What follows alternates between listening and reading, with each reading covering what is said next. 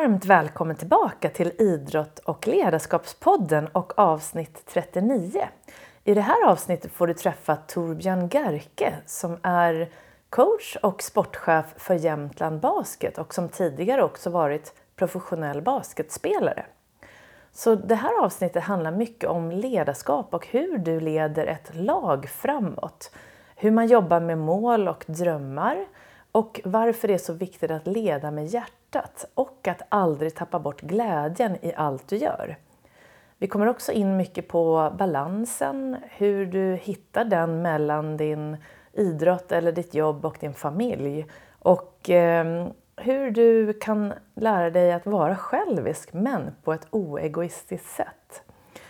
Ja, det blir en hel del spännande tankar och kunskaper från Torbjörn om just ledarskap och andra delar som han har tagit med sig från sin roll som både spelare och ledare. Så känn dig varmt välkommen och på slutet av det här avsnittet så kommer jag dela med mig av tre av Torbjörns bästa tips till dig som är tränare. Så är du nyfiken på det så häng med hela vägen till slutet. Men luta dig nu tillbaka så kör vi!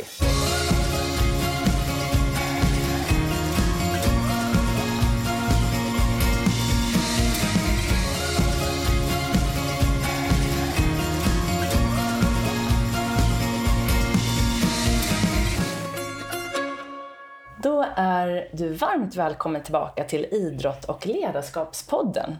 Och idag är jag mycket glad att introducera min nästa gäst, nämligen Torbjörn Gerke. Torbjörn är idag head coach och sportchef för Jämtland Basket och har tidigare varit professionell basketspelare både internationellt och i Sverige. Han gick från början på Riksidrottsgymnasiet i basket och har spelat på college i flera år. Han avslutade sin proffskarriär år 2000 efter besök i ligorna i Frankrike, Spanien och Tyskland. Och avslutningen gjorde han med ett SM-guld som spelare hos Plannja Basket, som numera heter BC Luleå.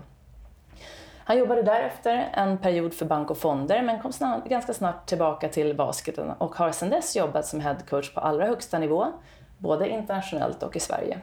Och här bland annat på, för Södertälje Knights, landslaget, Alvik Basket och Solna Vikings. Redan under sin debutsäsong som coach i Södertälje Kings blev Torbjörn utsedd till årets coach och tog, tog påföljande säsonger 2004-2005 SM-guld. Varmt välkommen hit Torbjörn! Tack, tack! Vad kul att du kunde ta dig hit från Östersund. Ja, jag har ju familjen kvar här. Min fru pendlar fram och tillbaka. Så det var, passade rätt perfekt så att hon skulle slippa resa upp. Och vi tog en liten minisemester. Det är ju EM-kval eh, i basket här nu faktiskt imorgon. Eh, jätteviktig match. Så att, eh, ligan har uppehåll i två veckor så det passar ju perfekt. Ja, ah, underbart. Mm. Och just nu sitter vi då på INMO medveten träning där jag jobbar. Och här kände ju du också Erik som jobbade här lite mm. sammanträffande. Som har varit, jobbat med landslaget samtidigt som du jobbade där? Ja, vår fysio i, i, i de åren jag var med som var eh, två år med vår grekiska förbundskapten och sen eh, fyra, fem va, med Brad Dean. Så att jag och Erik har kamperat ihop i sju, han var nog med en tre, fyra till. Så att han var en klipp och klistrare. Han fixar våra lirare och äh, vi, har, vi har ju känt varandra väldigt länge. Det blir väldigt korta perioder på sommaren ja. med landslag och så vidare. Ja. Men äh, intensivt och härlig snubbe. Ja, kul. Ehm, men du, vi ska börja lite med din bakgrund och ehm, för lyssnare som kanske inte riktigt vet vem du är. Så om du skulle få beskriva själv, vem är Torbjörn Gerke egentligen? Oj, eh, jag är min, eh, min, min frus man och min, min sons pappa någonstans. Eh, jag är en eh, familjefar, gift eh, och familjen är någonstans eh, kärnan i allting. Och sen så har jag jobbat med basket. Råkar bli så. Mm. Det vi liksom lever och gör runt omkring, det gäller ju att ha roligt när man går till jobbet men någonstans så blir ju familjen blir så oerhört viktig för att kunna liksom ha balans i livet och, och alla de här bitarna. Så att, jag ser mig egentligen som, som eh, min, min frus man och min, min sons mm. pappa. Mm. Och just nu så bor du i Östersund och pendlar sa du? Nej, eh, jag valde att stanna kvar i Stockholm. Min fru har fått tagit, tagit det tyngsta lasset. Hon, hon är, eh, jobbar ju på, faktiskt på eh, SOS Barnbyar nu som generalsekreterare och har haft det jobbet i många år. Och hon är väldigt skicklig i det hon gör och hon har jobbat eh, inom näringslivet tidigare, både inom försäkringar och andra saker. Så att eh, hon är ju långt mer framgångsrik i det hon gör än vad jag är. Men, men eh, på grund av eh, jobben i basket så, så fanns det inte, det finns inte så mycket att välja på. Och det öppnade sig i Östersund med Jämtland Basket. De, de frågade mig om jag var intresserad och jag var väldigt intresserad. Så jag flyttade upp och även min son följde med upp efter första året. Så de sista fyra åren här nu har min fru fått pendla på helgerna. För att det finns ju inte liksom, alltså arbetsmarknaden i Stockholm är följaktligen väldigt, väsentligt mycket större än vad den är i Östersund. Så att det har varit lite problematiskt för familjen, men ändå en, en, en, en, utmaning, en rolig utmaning för oss, för oss alla eftersom. Eh, grabben också spelar basket. Så hur kan en dag se ut för dig just nu när du jobbar som coach för Jämtland Basket? Eh, vi har ju, jag har ju två liv. Ett off-season och ett in-season. Eh, och under säsongen så är det ju eh, det är ganska inrutat. Som du, eh, som alla andra, så får man väl en eh, 15-20 mail som man faktiskt måste svara på varje dag. Från en minut till en halvtimme beroende på vad det är. Man har lite samtal med spelare och etc. Man har i snitt säkert tre timmar på golvet med planering inför träningar, vilket är väsentligt mycket mindre för mig nu när man har hållit på så länge. Eh, så blir det mycket av rutin. Eh, och sen har man efterarbete med matcher man har spelat och förarbete. Så att under säsong så, så eh, då räknar jag inte med resorna, så ligger man kanske på en, ja, någonstans mellan 60-70 timmar i veckan mm. i arbete. Men off-season så så har man ju väldigt mycket eh, rekrytering, scouting och då blir det lite mindre, då får man lite downtown, som downtime så man kan liksom återhämta sig. För mm. att det, det blir väldigt intensivt från, säg 1 augusti till sista april och ännu längre om man går till final. Vilket inte jag haft eh, förmånen att få göra på ett antal år. Så min säsong var slut i april. Så maj, juni, juli är, då kan man landa igen. Mm. Eh, men eh, det är så för de flesta idrotts, idrottstränarna. Eh, blir ju det att man, man kan ju inte åka hem och vila mellan träningarna utan man, man sitter och klipper, man försöker förkovra sig själv, kolla på lite matcher, både motståndare, kanske andra ligor, spelare, eh, man har system, playbooks, man planerar träning, det är fystränaren, det är sjukgymnasterna, det är skador, det är resor, det är hotell, det är när ska ni äta, när vill ni landa, när vill ni komma? Så att, Mm. Det är liksom, det är logistik och mycket handlar ju om, är man tränare på fotboll eller hockeynivå eller kanske riktigt duktig golfare, då har man folk som tar hand om det här. Men, men när du kommer ner i lagidrotterna där, där inte ekonomin ser likadan ut, då, då blir det ofta så att, att coacherna eh, får hantera liksom mm. stora delar. Sen klubbdirektörerna får göra en, ett omänskligt arbete, för de har ju inte fem anställda, utan man är ofta en eller två. Mm, just det. Och om vi ska backa bandet du här, vad var det som gjorde att just basket blev din sport? Jag ska göra den historien väldigt, väldigt kort. Eh, den är ganska rolig. Jag höll på med all idrott fram tills jag var 15-16, bodde i en liten stad som heter Kungsör. Eh, och det var OK-jolle, det var tennis, det var eh, handboll, det var fotboll, bandy, hockey, allt. Min pappa blev stoppad av en polis Eh, hade kört eh, för fort, tror jag. och eh, hockeytrunkar och grejer i baksätet. Så polisen sa, ha bråttom till en hockeyträning eller hockeymatch? Ja, grabben 15 bast. Typ, Utan, har bråttom. Och så sa han, ja men jag vet hur det, är, jag har två grabbar jag också, de spelar basket. Och då hade farsan nämnt, sa han, ja men eh, ja, grabben är två meter och, och polisen direkt, han, han eh, två meter, 15 år, mina barn spelar basket. Han var själv tränare då för Köping. Eh, så han sa så här att eh, den här böteslappen kanske du kan ge till mig imorgon om du kommer med din grabb till första träningen. Ah. det var Birger Sjöberg ifrån, ifrån Köping som eh, är fantastisk, eh, min första tränare. Så jag hamnade på en basketträning bara av, av sådär, det bara blev så. Pappa sa nu ska du på basketträning nästa dag. Så att vi åkte dit och för första gången i mitt liv, så nu är inte jag 2,15 eller 2,20 men jag var ändå runt två meter och du vet när man är, lite, man är ung ja. och kommer in i, in, i, en, liksom, i en omgivning där alla helt plötsligt bara älskar dig. Ja. För att du är lång. Vilket någonstans, det är okej okay man säger inte till folk när de är kort att de är kort eller när de är tjock att de är tjock. Men när du är lång, då är du alltid apan i buren och alla ställer sig bredvid och tycker liksom, vad häftigt. Så, ja, men här i basketomgivningen så jag blev så otroligt väl omhändertagen av både tränare och lagkamrater och, och, och det var roligt att träna. Ja. Och det var liksom första gången som jag verkligen kände att det här var ju jätteroligt. Så att jag fortsatte. Ja. Så det gick liksom på en dag, så, så började jag med det. Märkte du att du hade liksom talang för det ganska direkt? Eller tog, hur, hur, Nej, jag kände hade- du att du var liksom riktigt duktig på det också? Min talang var att jag var lång. Ja, just det. Och, och, och, och det som att jag kunde göra var att jag, var- jag var väldigt koordinerad och rörlig för min storlek. Det här med att ha, ha, bollen i händerna samtidigt, det var ingen höjdare. Nej. Eh, Men det här med att springa och hoppa och förflytta sig, det, det hade man ju koll på för man spelat hockey, fotboll och alla möjliga idrotter. Vilket gjorde att jag var väldigt koordinerad och fysiskt kunde jag delta. Sen det här med bollen tog ju liksom några månader, men du vet, är du två meter i den åldern, 15-16 år, alltså, då har du ju ett övertag. Vilket gjorde att jag kunde ju ändå lägga i bollar som, som liksom, jag var hyfsat nära. Och sen blir man ju bättre. Jag menar, jag hade ju spelat tennis och sådana saker, så man hade ju lite bollkänsla. Så det gick ganska fort för mig, tack vare att jag jag hade liksom haft tid, sporter, sport som sport är ju liksom, det var ju det, var det man gjorde. På den tiden fanns det ju liksom inga tv-spel, man gjorde ju allt på kvällarna. För efter skolan, från mellan klockan tre till klockan åtta på kvällen så var man ute och lirade någonting. Det. Så var det ju när jag växte upp. Ja, men exakt. Så, och sen blev det då eh, basketgymnasium. Ja, eh, ja, det blev faktiskt det var ett, ett år till däremellan när jag flyttade. Min pappa jobbade då så vi flyttade till en annan stad, till Linköping. Och jag fick ännu en, en, en fantastisk tränare som hjälpte mig eh, jättemycket i början att bibehålla den här glädjen. En kille som heter Chris Grundberg. Som lyfte upp mig och fick träna med, med ligalaget faktiskt på den tiden. Jag fick ju inte spela, men jag var ju med och tränade med dem lite grann. Eh, och de var ju i ligan då, Linköping. Sen så sökte jag in på basgymnasiet, kom in eh, samtidigt som jag fick eh, eh förfrågan från, faktiskt från Södertälje som en storhet på ungdomssidan på den tiden. Och, och det var, liksom, var lite grann där det drog iväg. Eh, det var då man började inse kanske lite grann att man, man var duktig. Mm. Mm. Och sen eh, var du på college. Mm. Ja, sökte du det själv eller hur funkade det på den tiden? För inom, eh, jag har ju själv gått på college Mm. och då sökte man ju själv.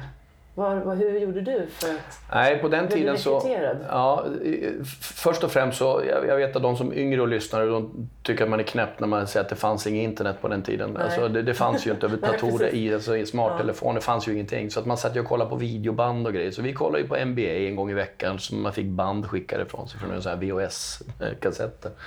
Eh, men det var faktiskt så att det var en, en college-tränare som var över och tittade på ett nordiskt mästerskap. Eh, och, och såg mig och några av mina lagkamrater när vi spelade där. Och han, han frågade mig om jag var intresserad av att åka. Sen hade jag också en, en tränare, min första tränare i liganivå var en, en herre som hette Ivan Duncan. Eh, en legend i sig. Fantastisk människa på många sätt och eh, lite sträv på andra sätt. Men eh, han, han hade några förslag vart jag skulle gå och jag hade någonstans redan bestämt mig för att jag skulle åka över. Så att jag blev faktiskt, eh, vad ska vi kalla för, rekryterad, Ja, headhuntad och Ja. fick ett, ett stipendium, ett fyraårsstipendium för att åka över. Eh, så på den vägen var det. Och då hamnade jag på, på Stetson University, hette Just det. Och vad, ligger det också i, ligger det i Florida? Ligger i Florida, Just ligger en eh, 45 minuter utanför Orlando och en kvart ifrån Daytona Beach. Så det var ett jättefint ställe. Sen, sen hade jag jättemånga skolor faktiskt som, som började visa intresse mot vårkanten där när, när det var dags inför hösten att resa. Det var bara att jag visste ju inte skillnaden mellan eh, North Carolina State eller, eller University of Florida Nej. eller, eller eh, Cal Santa Barbara som, alltså, som var jättestora och bra skolor. Jag valde ju en lite mindre skola för att coachen hade ju sagt till mig att jag skulle spela med dem. Så att då blev det ju så. Ja, och tyvärr så, så, så hade min pappa också gått bort precis i den här vevan. Han dog när jag var 19. Eh, och så att jag hade ju egentligen ingen rådfråga riktigt. Och, Mm. och så där. så att det, det var jättebra, eh, missförstå mig rätt. Det var en fantastisk upplevelse och säkerligen inte ett dåligt val. Men ur proffs, hens proffstankar och möjligheter så, så kanske jag kunde ha gjort ett bättre val. Mm. Jag känner igen mig lite i det där. Jag tror att det var vanligt då på den tiden. För det var ju verkligen, det fanns ju inte alls samma möjligheter att utforska vilka möjligheter man hade. Så att kom det en chans liksom, här kom till mig och spela. Ja. Då, då var man ju så glad för det. Visst, jag kommer. Ja, precis. Eh, och sen i efterhand så kan det ju vara lätt att vara efterklok. Men just då var ju det den I- möjligheten som kanske var det bästa just då. Idag har de ju ett helt annat sätt att se på Europa. De är ju i Europa, de har ju sina coacher, de har ju fyra, fem stycken i, i sin coachstab. Så de åker ju över till Europa och, och, och scoutar U16, U15, U17, U18. De har ju full koll. Alltså som min son exempelvis, förutom internet och han vet allt om om eh, college där borta så är du runt 18-19 då har du koll på vilka skolor är bra, eh, vilka ligor är bra, eh, vilka är coacher men framförallt så vet ju också skolorna om dig. Exakt, Eh, ja. Så att det, det är en helt annan process idag än vad det var på för, ja vad är det? det är, herregud, det är där 35 år sedan. Ja. Men när var du där? Kommer du vilket år? Ja, jag eh, började 1987. Ja, precis. Just det. Och vad är det nu då? Det är, ja, 31 va? Blir det? Ja, Måste det vara? fråga inte mig. Nej, jag är dålig på matte. Jag var där 93, 94 fast det var Ja. nästan samtidigt. Ja. Men det är ju så häftigt. Jag har ju märkt inom golfvärlden då, som jag kommer ifrån så var det ju ganska få personer som åkte över till college när jag gjorde det. Eh, landslaget de fick möjlighet att bli rekryterade men sådana som jag då som var lite på sidan av, jag blev bra lite senare, jag kunde ju också söka själv och komma dit. Idag är det ju jättemånga, då, speciellt eh, så är det så också att USA och de college vet att svenskar och svenskor är väldigt populära. Vi, har, liksom, vi är ansvarsfulla, vi brukar sköta skolan. Vi är också väldigt duktiga på att eh, jobba hårt och så vidare. Språket. Språket kan vi. Ja. Så att vi kommer in. Så att, eh, där är vi ett attraktivt... Eh, liksom, jag tror att det har ökat och det finns väldiga möjligheter för alla ungdomar. Det behöver inte vara liksom, landslagsspelare för att åka dit, eller hur? Du kan ju fortfarande åka dit och få en fantastisk möjlighet att kombinera skola med... Ja, och, ja, och du har ju, du har ju folk, folk vet ju inte ofta hur, hur många skolor det finns. Alltså, vi pratar upp en cirkus 350 skolor i NCAA som det heter, Mm. NCAA division 1. Men sen har du ju lika många Nästan lika många i division 2, nästan lika många i division 3. Sen har du NAIA, du har Junior College. Du har, alltså vi pratar tusentals Mm. skolor med 12-13 spelare i varje lag. Mm. Ja, det är ju bara do the math. Alltså det, ju, det finns ju jättemånga platser. Det är klart att det finns för, för skickliga, det är inte bara landslagsspelare som kan åka i, i någon sport. Alltså är du duktig i fotboll, och då menar jag eh, svensk, alltså fotboll, Ja. inte, inte amerikansk Nej, fotboll precis. utan soccer som de kallar det där borta. det. Det är många av våra, tror jag, som är över på college. Jag har ingen siffra, men jag, jag misstänker att det är många. Hockey vet jag att det är många som åker på college. Och, så att, eh, och golf. Mm. Golf är När jag gick på. UN, på University of North Florida, vilket var några år senare, då var det faktiskt en svensk golfherre där. Ah. Eh, kommer inte ihåg vad han heter, för mitt liv kan jag inte komma ihåg vad han heter. Men han var duktig. Han, hans ambition var att bli första svensk på PGA-touren. Så han var, alltså, han var där innan Parnevik var väl först va? Mm. Eh, att, att komma in på touren. Jag, jag tror inte han lyckades för då hade jag vetat vem det var. Ja? Ja, jag kommer inte ihåg hans namn men han, han var ja, kille som jag hängde med mycket. Nej men gud vad kul. Ehm, så, jo, så apropå college så såg jag faktiskt en intervju med Magic Johnson här igår. När han var här, det var en här gammal intervju från SVT. När han 87 blev, det blev inspelat att han, när han spelade för Magic 7 hette det. Magic M7 Ja, Magic Ja, M7 i ja. Sverige. Samtidigt som du spelade för Plannja då. Mm, Och där måste vi prata 90, 97, prata 97, Ja, förlåt. 98, 99. 97. 99.00 tror jag det här var faktiskt. Just det, Ja. 90, exakt. Förlåt, 99. Och då sa han så här att hans eh, syfte lite grann med att komma till Sverige och spela var att han ville få NBA att få upp ögonen för den svenska marknaden, eller den svenska basketligan. Eh, och så hoppades han att inom några år så skulle en svensk komma in på NBA. Och då tänkte jag på det, för sen var ju då Jonas Jerebko blev ju den första som kom in på NBA. Hur, hur var det när du, eh, jag tänker på du som ser i din tränarroll nu igen, om vi skiftar till det. Ser du fler möjligheter för fler basketspelare från Sverige att komma dit? Eller hur ser den? Absolut finns det alltså möjlighet. Nu, nu är den här barriären bruten. Både Jeffrey Taylor, eh, för Birdie från Norrköping, har spelat i NBA, och, och Jonas Jerebko som är kvar nu med The World Champions som de kallar sig själva där borta i Golden State. Eh, eller NBA så säger man att man är världsmästare när man har vunnit och det är väl inte fel. De är ju de bästa lagen. Eh, och han spelar alltså i världens bästa lag. Och det är klart att när någon har brutit, gått igenom, eh, det är väl som att bli tennisspelare när, efter Björn Borg. Det blir lite enklare då. då det kommer en uppsjö av duktiga tennisspelare. Det är ju samma med Carolina Klüft eller med Annika Sörenstam eller ja, you name it. Det är bara att plocka Börje Salming. Eh, och det finns väldigt många talanger. Eh, nu är ju sporten, eh, utvecklas ju så fruktansvärt som i de flesta idrotterna så är fysiken så otroligt viktig. Eh, så att det, gäller, det, det, det räcker inte att bara vara duktig på en grej, skjuta eller kanske ja, sätta screens. Utan du måste vara en, ett fysiskt praktexemplar för att kunna vara med där. Alltså, Vi pratar om enorma atleter. Eh, så att det kommer att komma upp någon, några. Eh, och om det blir om ett eller om det blir om fem eller sex år, det, det vet jag inte. Men det, det kommer att komma fler NBA-proffs från Sverige, absolut. Ja, det ska bli spännande att följa. Varför jag... Och vi har ju, ska inte glömma, Amanda Azawi som, eh, som spelar i, i eh, WNBA.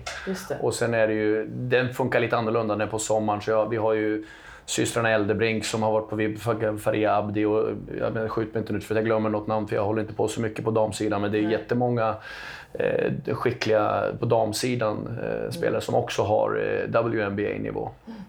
Ja, spännande. Um, så när du gick på college, där om vi nu håller oss till USA, um, när du ser det liksom i efterhand, vad är dina viktigaste här, erfarenheter från det? Är det något du har tagit med dig in i din tränarroll? Nej, det var lite för tidigt. Ja. Eh, däremot så, så det har snackats mycket om att man genom åren, man ska inte åka till college, du blir inte bättre basketspelare. Och jag, jag är tvärt emot det där. Jag tycker ju att, det är klart att man man kan göra ett val där du karriärsmässigt kanske utvecklas något snabbare. Men, men alltså jag såg, min son ska ju åka över och spela och mm. han, han, hans utbildning kostar typ 250-300 000 dollar. Mm. Alltså jag menar, du får en möjlighet att få en utbildning. Du får en möjlighet att tävla mot det landet där de bästa spelarna kommer ifrån. Där den bästa ligan finns. En kultur som, tycka vad vi vill om Trump eller den amerikanska kulturen, så är det ändå så att Alltså, vi, har, vi, vi käkar snabbmat, vi åker amerikanska bilar, vi, vi kollar på amerikanska tv-shower, Netflix, HBO. Alltså, vår kultur genomsyras ju av, oavsett om vi tycker det är bra eller dåligt. Så att, att vara i USA är en upplevelse. Och framförallt så är det ju, det är ju basketens vagga. Det är ju där det började. Även om eh, eh så att säga basketen är en, en, en världssport som, som fotboll spelas ju liksom på alla kontinenter och av väldigt, väldigt, väldigt många. Eh, så, så är ju USA det är ju liksom basketens hemland. Mm. Det är ju där det är, alltså det är häftigt att vara där och ja. spela inför liksom 8, 10, 15 000 elever från din skola på hemmaplan. Mm. Liksom. Det är ju, det är, då måste du upp i Euroleague i Europa mm. för att få den stöttningen. Eller spela i Turkiet, eh, spela i liksom kanske ja, Tyskland, några enstaka lag. Alltså, mm. det, det trycket som blir där borta mm. när du går in i March Madness och de här NCAA-slutspelen. Alltså, det är ju nog, jag skulle aldrig byta bort det för något. Nej, Vilken nej. upplevelse. Och sen tror jag att eh, den svenska kulturen ihop med den amerikanska blir väldigt bra. För vi har en viss ödmjukhet och kan vara lite blyga kanske när vi eh, i den åldern. Och så kommer vi dit och där har du det här verkligen, du ska verkligen visa att du är bra och inte skämmas för det och, och ditt självförtroende byggs ju upp otroligt mycket, speciellt om det går bra. Att det kanske till och med, jag kommer ihåg, det kan stå i college-tidningen sådär, liksom, att hur det går för laget, man får mycket. Så du får stå framför folk och i skolan och uh, hålla tal och bara få träna på det. Så att man utvecklas ju väldigt mycket i, i självförtroendet just. Ja, du får ju en respekt där borta när du är basketspelare eller fotbollsspelare eller vad det nu månde vara, idrottsman. Så får du, där, där, har du liksom, där är du ju en, en, en student athlete. Alltså du är inte bara en student utan du är också en, en idrottsman vid sidan mm. av och du får lägga ner dubbelt så mycket energi och du får respekt för det. Men Sen tror jag väl i och för sig den svenska personligheten, jag menar, eh, vi har ju en del kaxiga svenskar som jag tror det blir lite annorlunda. Tror jag. Våran, den här blyga, tillbakadragna. Inom idrotten vet jag inte riktigt om det kanske stämmer till 100 procent. Vi har nog rätt eh, ja. Eh, killar, så, killar och tjejer som vågar sticka ut näsan. Men definitivt att, att, att testa möjligheten. Jag, jag skulle aldrig få det ogjort. Aldrig. Nej. Och om vi nu tänker på din roll som... Eh, du avslutade din karriär, var det 2000 då, med ett SM-guld, eller hur? Med Plannja? Ja, det är två år kvar på kontraktet men eh, vi vann det året och då kände jag att nu räcker det. Ja, och så var det så att din son föddes samma, samma dag. dag. Visst var det samma så? dag. Mitt första SM-guld, mitt enda SM-guld, min första son, jag var ledbruten i kroppen och jag kände att det kan inte bli bättre än Nej. så här. Alltså det går inte att gå ut på ett bättre sätt. utan det, slutar jag inte nu, då kommer jag vara sämre. Hade vi inte vunnit, då, vet du, då hade jag fortsatt. Ja, men hade du sagt innan, nu det här blir min sista match? Nej, nej. Eller? nej, nej det, var det, det, det, det, var någonting. Det var min, det var min läkare som, som eh, bar mig fram om sjukgymnasterna som jag hade uppe i Luleå. Hjelverton Tengner som var läkare och Lasse Lundgren som, som mer eller mindre eh, konstgjord andning fick mig att hålla ihop sista året. Eh, mm. Som eh, han kramade om mig och så sa han, hör du, vi har varit med om mycket du och jag men nu är det nog dags att sluta. och jag var sliten, jag var, jag var, jag var fysiskt ett slut. Mm. Hur gammal var du när du slutade? Ja, jag måste väl ha, skulle fylla 33 va? Jag född mm. 67, det här var 00 så jag skulle fylla 33. Mm. Så det var ju 3-4 år kanske tidigare än vad man kan hålla på. Man kan ju hålla på till 40 om man är Kjellbom. Jocke Kjellbom nu är ju 39-40 så att det går ju om man har tur att slippa skada. Men jag fick ju väldigt allvarliga skador redan när jag var 21-22. Ja. Så att jag, slet ju, jag slet ju gris hela, hela min karriär med, ja. med dåligt knä. Hur var det sen när du slutade? Jag vet, många som slutar, avslutar sin idrottskarriär och så ska man liksom hitta på någonting annat därefter.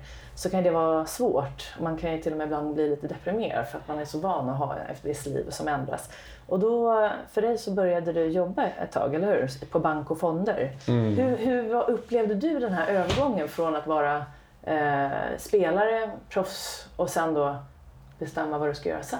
Jag hade tur att få det här jobbet. Det var liksom en, en sån här grej som dök upp just då. Det var en, en idrottsfond. De ville ha en idrottsprofil, annars hade de aldrig fått det där jobbet.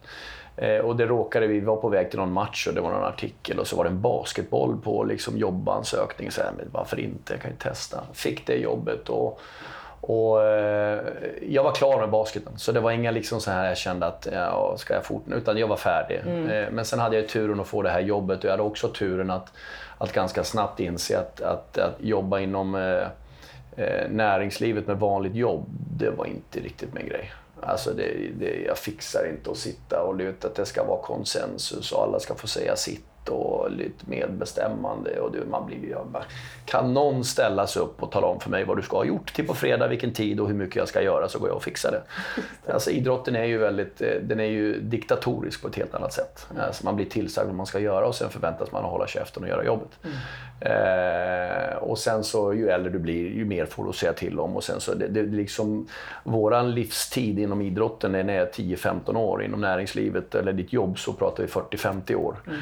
Eh, de här röda siffrorna som man pratar om i bokslut, de, de, de liksom syns på en vecka, två veckor så läser du i tidningarna över hur kass du är eller hur bra allting är eh, inom, inom eh, vanliga jobb så att säga. Och jag förminskar inte dem på något sätt utan vad jag menar, det, det är två helt skilda världar. Inom idrotten så är du en stjärna ena veckan och nästa vecka så är du den största puckot som någonsin har gått i ett par skor. Och, och den här adrenalinen och det här kravet och det här kände jag att jag min fru sa nog vid något tillfälle så att om inte du går tillbaka till idrotten och basket, då skiljer jag mig från dig. jag, tror, jag tror inte jag var så, så bra att göra med när, när jag inte fick det här. Vi är ju adrenalin-junkies, alltså vi vill ju verkligen få den här utmaningen och, och sen... Ja, det var mm. nog det. Mm.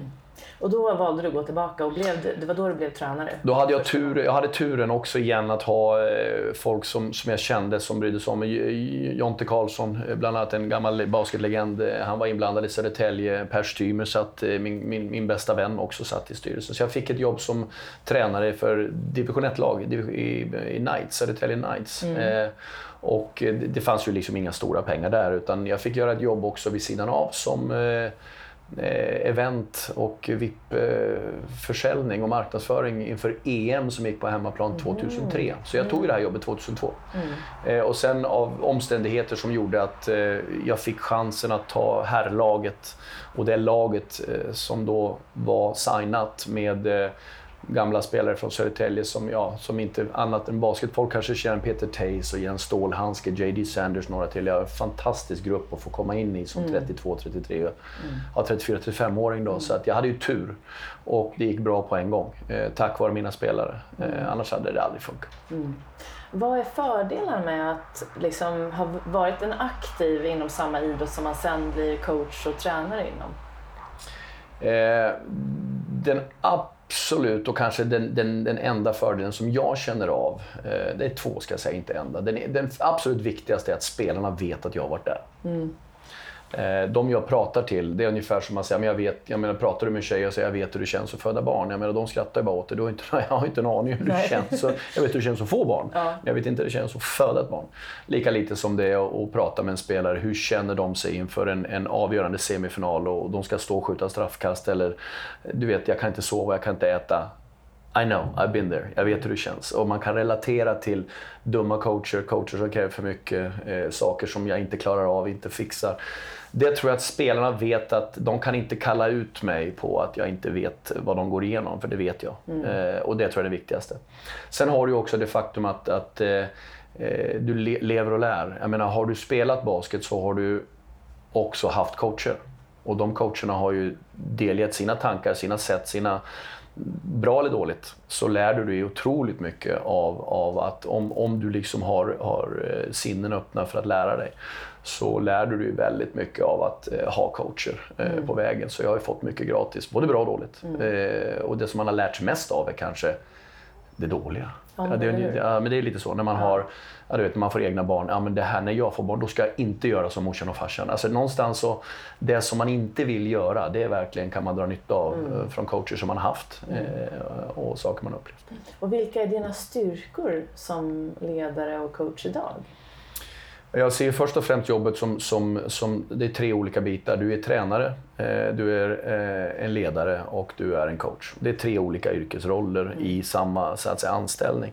Men om man ska bena ner det till en sak så tror jag väl att eh, jag hoppas eh, och är relativt säker på att jag har rätt och det är väl att jag, har en, jag är självkritisk och har en självinsikt över vad jag är bra och dålig på. Jag vet att jag är vissa saker som jag inte är bäst på.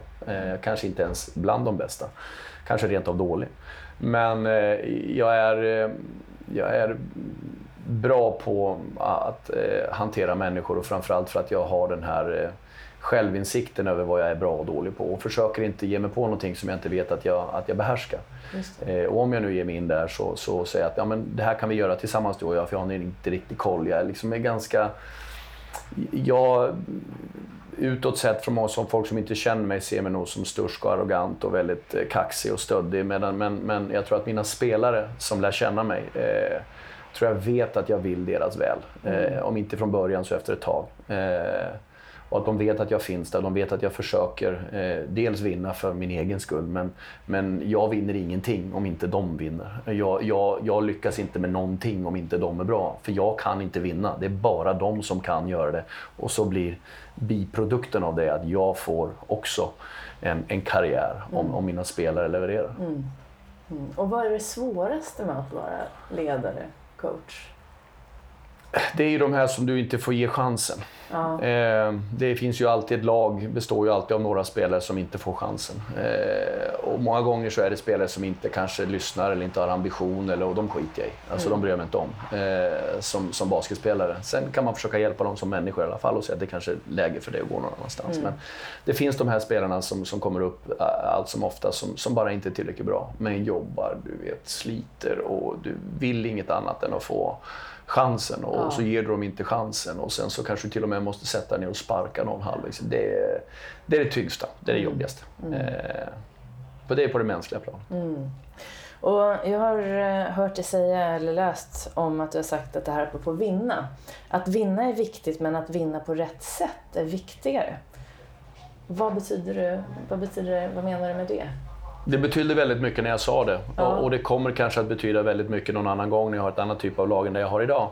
Eh, jag, jag, tror att processerna är det viktiga. Det, det, är liksom ofta resan till målet som är det viktiga. Eh, om du vinner eh, ett antal matcher för att du råkar ha, en, ha lite flyt. Eh, Eh, om du liksom ligger i en sandbunker och tar fram en, en spoon och klankar ut den upp på green. Liksom, gör du det tio gånger så kommer du inte att få den dit så många gånger. Utan du måste ta rätt klubba för att kunna... Så jag tror att det är väldigt viktigt att de här processerna eh, eh, Eh, som, man, som man bestämmer sig att det här gör vi som lag. Det är så här vi jobbar. De här grejerna vill vi inte göra, de här grejerna vill vi göra. Om någon bryter den mallen någon gång så, så fair enough, det händer. Men, men någonstans så gäller det att man håller ihop och säger att vi vill spela på det här sättet eh, på grund utav att Eh, jag tror att det är det bästa för hela laget. Sen, sen behöver inte spelarna hålla med. Men någonstans är det viktigt att man alla sällar sig till att det är det här vi har kommit överens om att göra, nu gör vi det här tillsammans. Mm. Eh, och, och, då kommer det att komma fler vinster. Sen kan du komma in i perioder som jag, det här laget i år exempelvis, mm. som är ett, ett otroligt individuellt skickligt lag. Och jag brukar säga till dem att alla skott som går i, och det här brukar jag inte säga, men jag brukar säga till dem här. Alla skott som går i är bra skott. Och det är ju inte sant. Men, men egentligen så är det ju det. För går de i, ja, då får du poäng och då kommer du antagligen kunna vinna matcher. Mm. Sen måste de själva förstå balansen mellan hur många dåliga skott kan vi ta och hur länge kommer de att fortsätta att gå i. Mm. Eh, så att det är en fin balans. Men, men jag tror att det, det viktigaste av alltihop är att man förstår vad är det som gör oss bra. Vad är det som gör oss till en grupp? Vad är det som gör oss eh, kommer att göra oss framgångsrika. Och sen sälja det konceptet mm. så att spelarna tror på det. Mm. Eh, för att jag kan, ju, jag kan ju veta massor med saker men om de inte tror på det så spelar det ingen roll vad jag vet. Nej. Och det spelar ingen roll vad jag tror. Eh, och, och vad är den viktigaste styrkan hos dina spelare, hos en spelare? Eh, jag brukar säga att det finns två, två typer av, av, spelare eller två typer av människor. Det är de som har anledningar, och de som har ursäkter. Eh, gör du någonting fel och du har en, en, en, anledning till varför du gjorde fel, förklara för mig. Och jag, jag kan efter ett tag lära känna om du är en, en ursäktsmänniska eller en anledningsmänniska. Eh, det finns många som, som gör saker i tron att det här var nog rätt. Och så finns det de som, som alltid, ja men, ja men, ja men, ja men, det funkar aldrig. Så att, eh, det viktigaste hos, hos mig är att, att spelare att de vågar, att de har en, en, en attityd. Att de är eh, kaxiga, stöddiga, att de också har självinsikt men framförallt att de inte är ursäktsmänniskor. Utan eh, ge mig en bra anledning och så kan jag förklara för dig varför jag inte vill att du ska göra det och sen vill jag inte att du gör om det efter det. Men, men eh, det viktigaste av alltihop är att man inte far med ursäkt. Alltså, det, var, det var kallt, eller det var min lagkamraten, eller coachen är dum, eller jag får inte spela, vi har fel anfallssystem, vi landar för sent, vi har dålig mat. Alltså, det finns så mycket sånt. Det räcker med att öppna en dagstidning, herregud. Den där så är det, skyller ju på allt. Det är inte sossarna så är det Moderaterna, är det inte Moderaterna så är det Sverigedemokraterna, och inte de så är det Kristdemokraterna, och så är det kommunpolitiker och det är, du vet, det är alltid fel på någonting. Och man ska alltid skylla på någon. Jag blir galen. Men och nu ditt lag som du har nu, det är både några som du har rekryterat utifrån så att säga och sen är det ju hemmaspelare och en ganska bra mix där. Eh, hur känns ditt lag idag apropå den här styrkan hos dina spelare och, och om du tänker framåt? Först och främst så måste jag säga att det, det, det Jämtland Basket är idag är ju till väldigt stor del på grund av Jämtland Baskets organisation och styrelse. Att de har gett mig den här möjligheten att, att bygga laget på det här sättet. För det här klarar ingen coach själv. Utan du måste först få mandatet där de säger att vi tror på långsiktighet, vi tror på det du säger, nu kör vi. Och sen inte ändra det när det liksom resultaten inte kommer. För det var några år där resultaten verkligen inte dök upp. Ja, eh, Men i och med eh, långsiktighet och, och, tro på det vi gör, inte bara på basketplan utan allting runt omkring, så har vi nu börjat komma in i finrummet. Eh, och tanken var hela tiden, jag hade ett femårskontrakt som jag är inne på sista året på nu och där var det våra unga spelare som var 14, 15, 16 vid, vid, vid det laget kände vi att när de är 18, 19, 20 då kommer de kunna spela för en väldigt liten peng. För att de får betalt i speltid. De får möjligheten att växa som spelare. Och så kan vi investera mer pengar på våra importer som ska vara spetsspelare och leverera. Eh, och eh, där är vi nu, eh, där vi verkligen har gått all in med det. Vi har både unga spelare som har vuxit och tagit ansvar och levererat. Sen finns det ju gränser på hur mycket du kan kräva av en 18, 19, 20-åring. Mm. Men vi har fyra, fem stycken i laget nu och det, det är, eh, är fantastiskt roligt att få gjort den här resan. Mm. Det, det, finns väl några amerikanska uttryck att det är inte målet som är det viktiga utan det är resan dit. Ja. Och det, det, det, det, jag vet inte om jag håller med om det i alla lägen, men, men det här har verkligen varit en fantastisk resa. Och framförallt i efterhand kan man ju se det.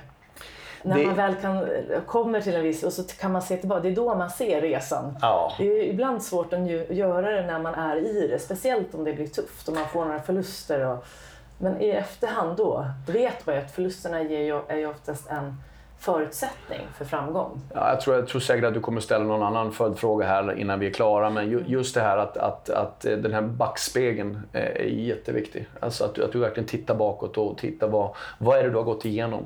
Liksom, vad, vad, kolla vilka, vilka hinder vi har överkommit och kolla vad, vad, vilka saker du njöt av på vägen. Och, och liksom, eh, eh någon brukar säga att man alltså, Gud, jag är så gammal. Mm. Och jag, jag, jag, brukar ta stopp och så säga okej, okay, sätt dig ner och backa fem år.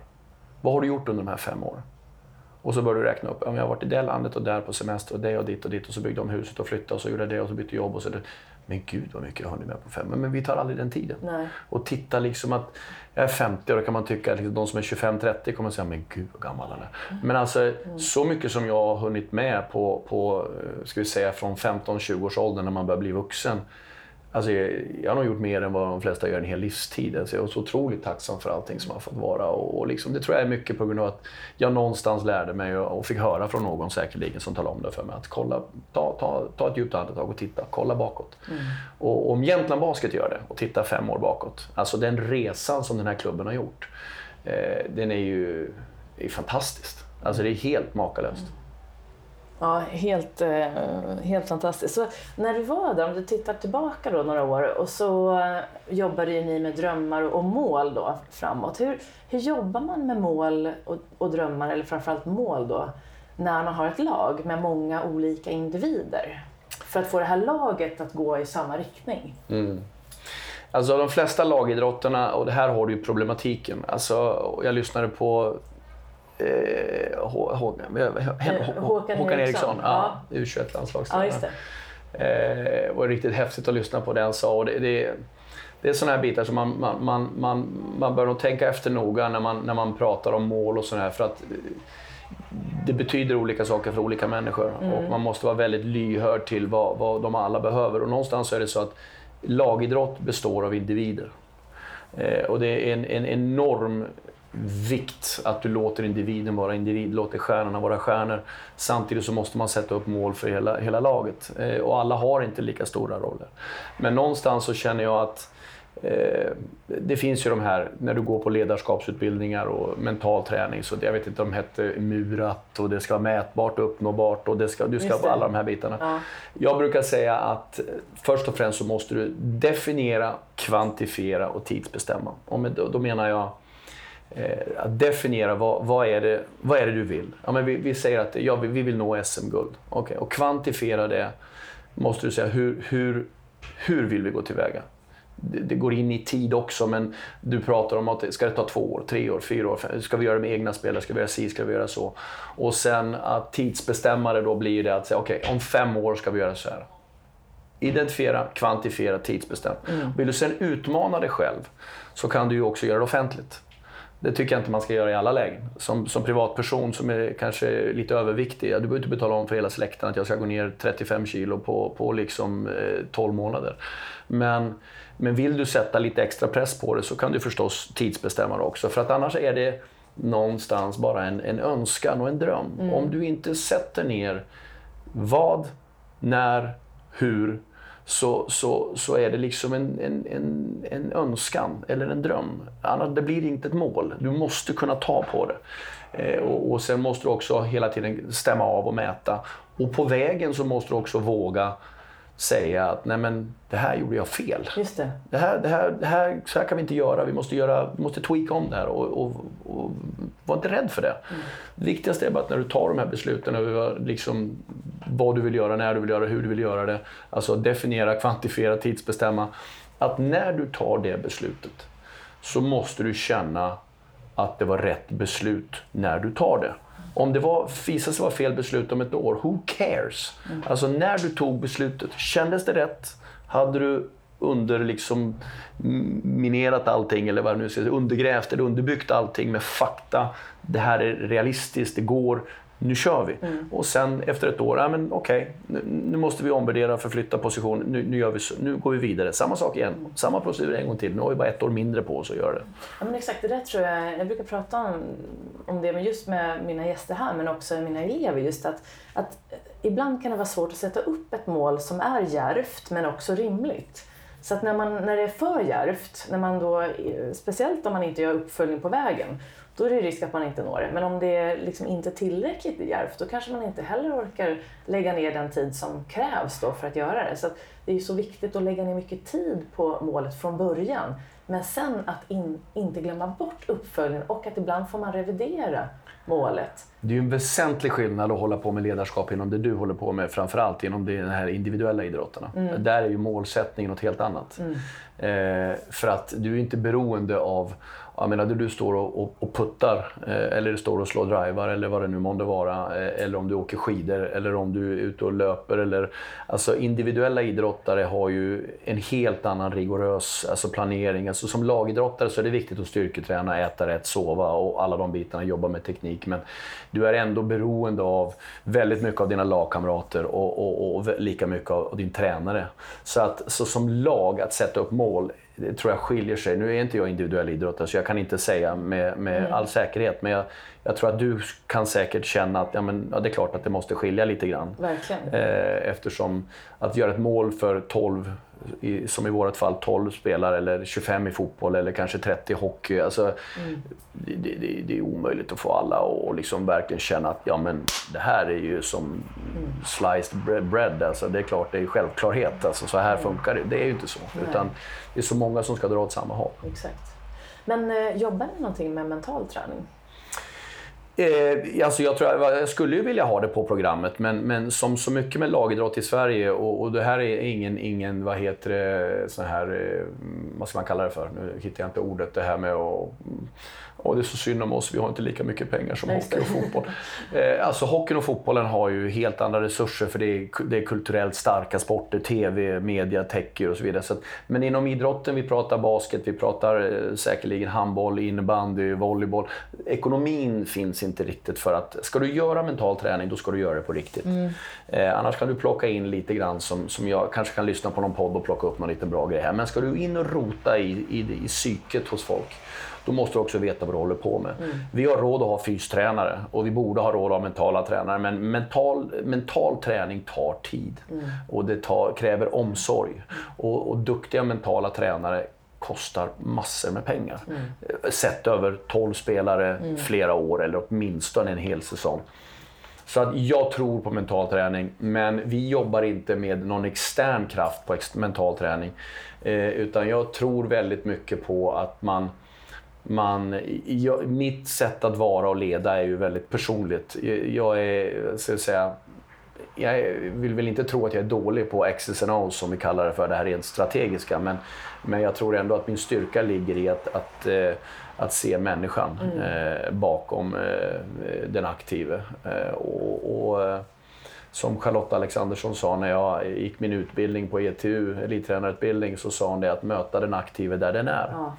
Eh, jätteviktigt. Eh, och där tror jag att man, man kör lite individuell mental träning med alla spelarna. Vissa skriker man åt, vissa är man väldigt snäll mot, vissa skäller man på, andra ger man bara... Alltså det beror på hur de funkar. Mm. Eh, jag menar, det var en gång när jag tränade, när jag gick den här utbildningen så kommer jag ihåg att jag stod i omklädningsrummet och stod och gapade och skrek åt spelarna. Jag var helt vansinnig för att de hade gjort någonting som vi var överens om att de inte skulle göra.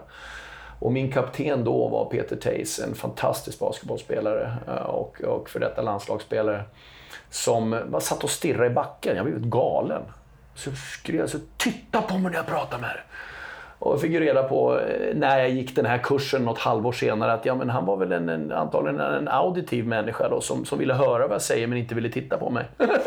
och jag lackade ju bara ur för att ja. han inte tittade på mig. Ja, men jag ville ju att han skulle förstå. Men, men för honom att förstå så var det att lyssna, inte att titta. Mm. och vissa vill göra och så här, de här bitarna, alltså att föra mental träning för ett lag, det har säkert sina, sina, sina effekter. Mm. Men då måste du ta in någon som kan det här. Mm. Du måste ta in någon som, som är utbildad på det, som vet hur man bygger, gör mental träning med 12 på en gång och, och sen göra det individuellt och sen följa upp och sen inte efter fem gånger säga nej men nu har inte ni betalat räkningen så nu kan inte jag komma längre och så hänger man ut en, en, en disktrasa utanför liksom, ja. eh, liksom i hallen och en killar som är helt nedbrutna och förstörda. Jag tror att man kan jobba med den mentala biten mycket inom grupp, eh, tror jag.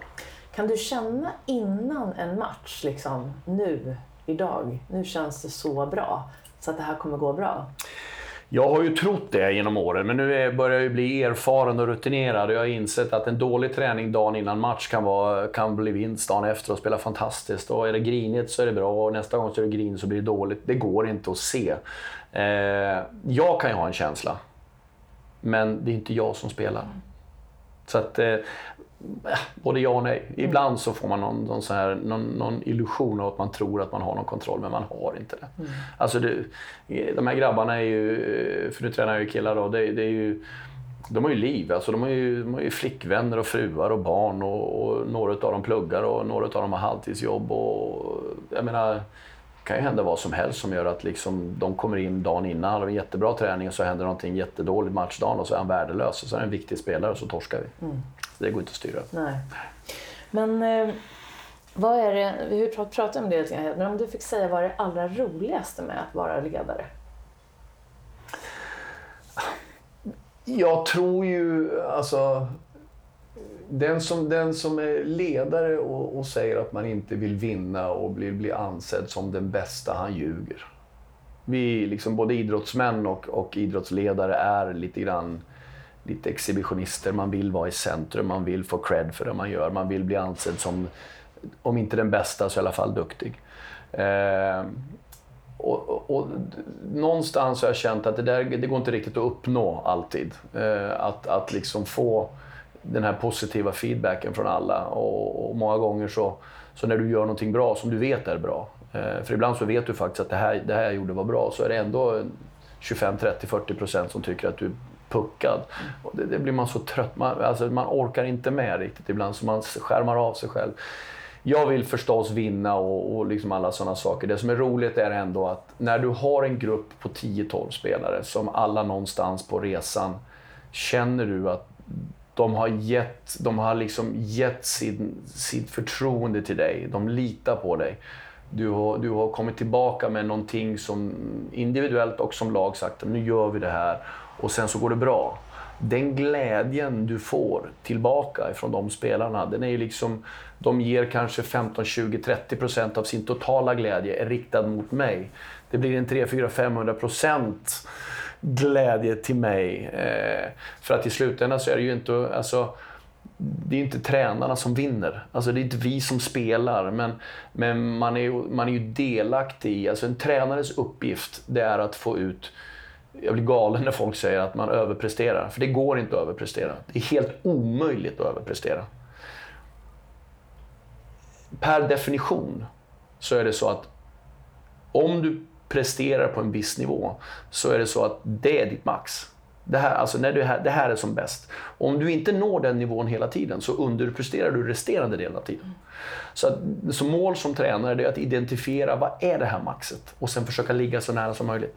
För du kan inte ligga på max jämt. Du kan inte ligga på den här som de kallar då för överprestation hela tiden. Mm. Men målsättningen är ju att få då i andra människors ögon att mitt lag ska överprestera hela tiden. Eh, att försöka ligga så nära deras max det bara går. Så egentligen så finns det bara enstaka perfekta tränare som får ut max av sina spelare. Mm. Resten av oss misslyckas mm. med att få ut max. Eh, och det är det som vi jobbar med hela tiden som tränare, att försöka få ut, för du får aldrig ut 100 av alla, men får du ut 89 av han, och 91 av han, och 94 av han, och 97 av honom, och så får du ut 100 av den här rackaren några gånger, då vinner vi. Mm. Och det är det som är summan av kardemumman som, som ledare att, att försöka skapa en, en, en dynamik där du får ut så, så nära max av, av, av alla spelare som möjligt. För att det går som sagt inte att prestera på topp jämt. Du nämnde ju att du hade så bra tränare själv när du var yngre. Mm. Och har du, känner du så nu att du kan se tillbaka, att du plockat med dig då från dem? Och vad är det du ser att du har plockat med dig som mest?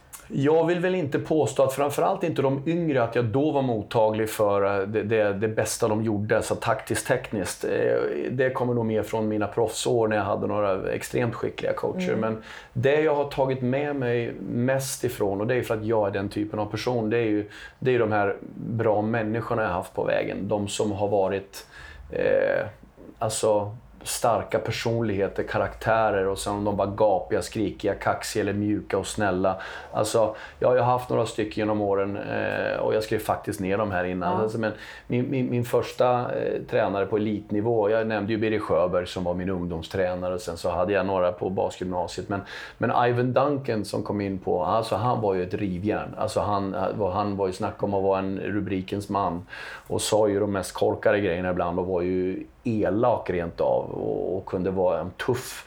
Men jag kände att hans hjärta fanns. Liksom, han ville verkligen hjälpa mig. Och sen, sen fick jag ju Rolf Woffla Nilsson i landslaget och, och Charles Barton. Eh, som spelare var väl de tre då, eh, kanske främst. Och sen när jag jobbade med Brad Dean med, med landslaget. Alla de här har gett mig delar av deras, deras personlighet, deras integritet, deras hjärta, deras jag tror att, att eh, visst, du kan vinna bara av att vara en taktiker och en tekniker. Men, men jag tror inte... Eh, you won't be great. Alltså du måste nå hjärtat hos folk och då, då måste du övervinna både deras hjärna och hjärta och få dem att känna att ja, men, kanske, det här kanske du taktiskt tekniskt är inte den här coachen den bästa men jag tror ändå på det här och gruppen tror, nu kör vi. Liksom. Mm. Når du det, då kommer du att bli framgångsrik. Mm. Och det, det, det, är väl det jag har tagit med mig mest, just det här att, att eh, försöka vara en, en, en så bra ledare jag bara kan. För att träna och coacha kan du lära dig. Men att vara en ledare är något helt annat. Mm. Och det skulle kunna översättas i ett eh, jobba inom näringslivet och jobba med en säljteam eller vad som helst. För det handlar om människor. Och liksom, det skiljer ingenting på att eh, liksom prestera i, i liksom högpresterande idrott eller, eller, eller att leverera då inför en sälj, säljteam som kanske ska sälja x antal miljoner inom x antal månader. Mm. Det är samma processer, samma liksom...